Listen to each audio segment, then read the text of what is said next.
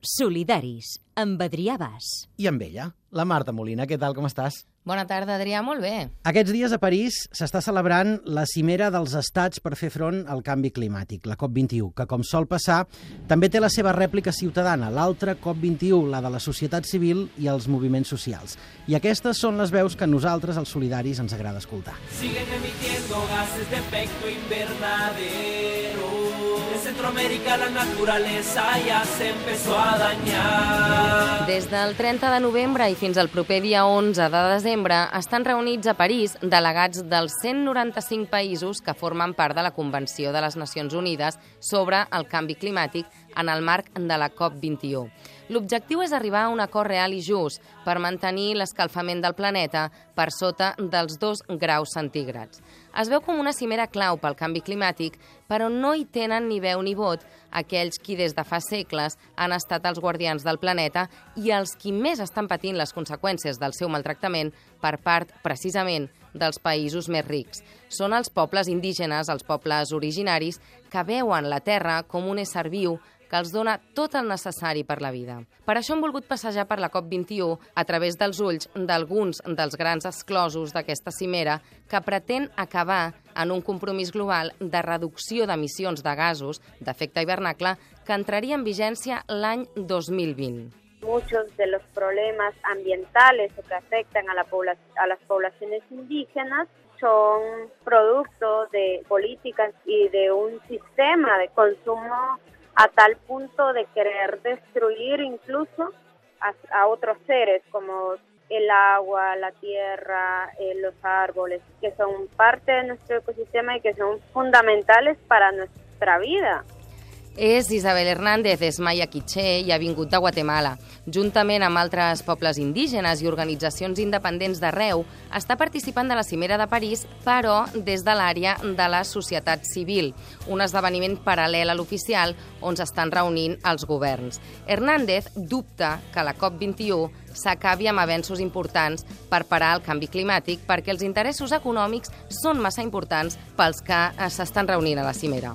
En términos de qué acuerdos se vayan a, a lograr o que no se vayan a lograr, yo sí tengo mis dudas que en realidad eh, los gobiernos quieran cambiar un sistema o un modelo de vida que, que implique sobre todo que eh, los pequeños millonarios que muchos muchas veces son los que han financiado las políticas a nivel global y todo, quieran ceder. Creo que van a haber medidas pues no tan drásticas. Una cosa es lo que nosotros como sociedad civil queremos. En el caso de los espacios de sociedad civil, era como hablar entre nosotros y en algún momento algún secretario de gobierno o algún viceministro o alguien pues venía a hacer alguna presentación, pero era del gobierno a sociedad civil. No tanto el hecho de este representante del gobierno y todo va a tomar en cuenta las propuestas de, nuestro pueblo. Al menos es lo que yo he percibido eh, en lo que he participado.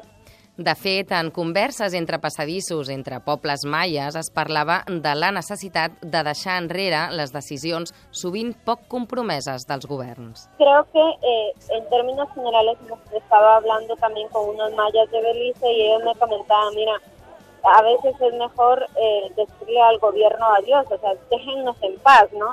Y dejen que nosotros nos organicemos territorialmente o y tampoco dispongan, digamos, del suelo y subsuelo nuestro, o sea, dejen que nosotros dispongamos de ello, ¿no? Los gobiernos pues no siempre van a responder.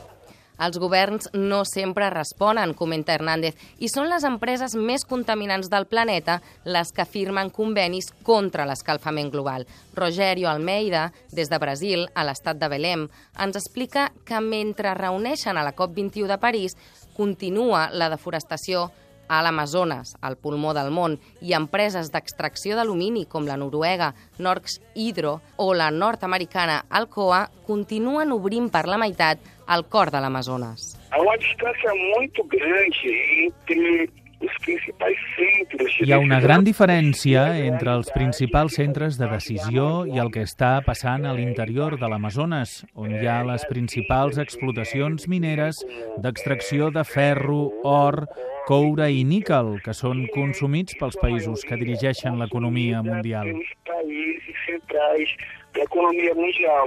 I a l'extracció d'aquestes companyies mineres li sumem les empreses hidroelèctriques que pretenen generar energia pel funcionament de les mines i que al fer-ho provoquen el desbordament dels seus rius i desplacen les comunitats tradicionals que es veuen obligades a desplaçar-se, com va passar amb l'empresa Belomonte a la regió del Xingu, al Brasil. Els interessos econòmics acaben subordinant el que s'acorda en reunions com aquesta a un simple protocol i posant els acords realitzats en centres de decisió en segon pla. no segundo plano. Els interessos econòmics acaben, doncs, subordinant acords polítics com ho eren la desforestació zero de l'àrea amazònica a la que pertanyen almenys vuit països d'Amèrica i que ha provocat el desplaçament de grans poblacions indígenes.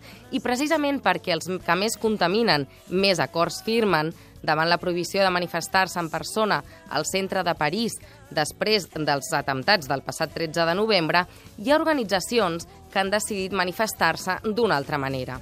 I ho han fet omplint les marquesines de les parades d'autobús i els carrers més cèntrics de París amb missatges subversius.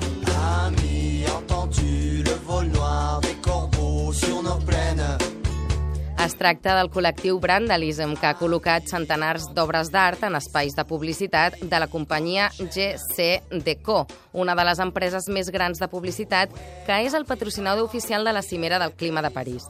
Més de 600 obres d'art enfatitzen el vincle entre la publicitat, el consumisme i l'addicció als combustibles fòssils i al canvi climàtic. Han parodiat anuncis de patrocinadors destacats de la COP21 com Air France, Engine i Down Chemicals. I tampoc s'han salvat de la paròdia els caps d'estat François Hollande, David Cameron, Barack Obama, Angela Merkel i Shinzo Abe, el primer ministre del Japó.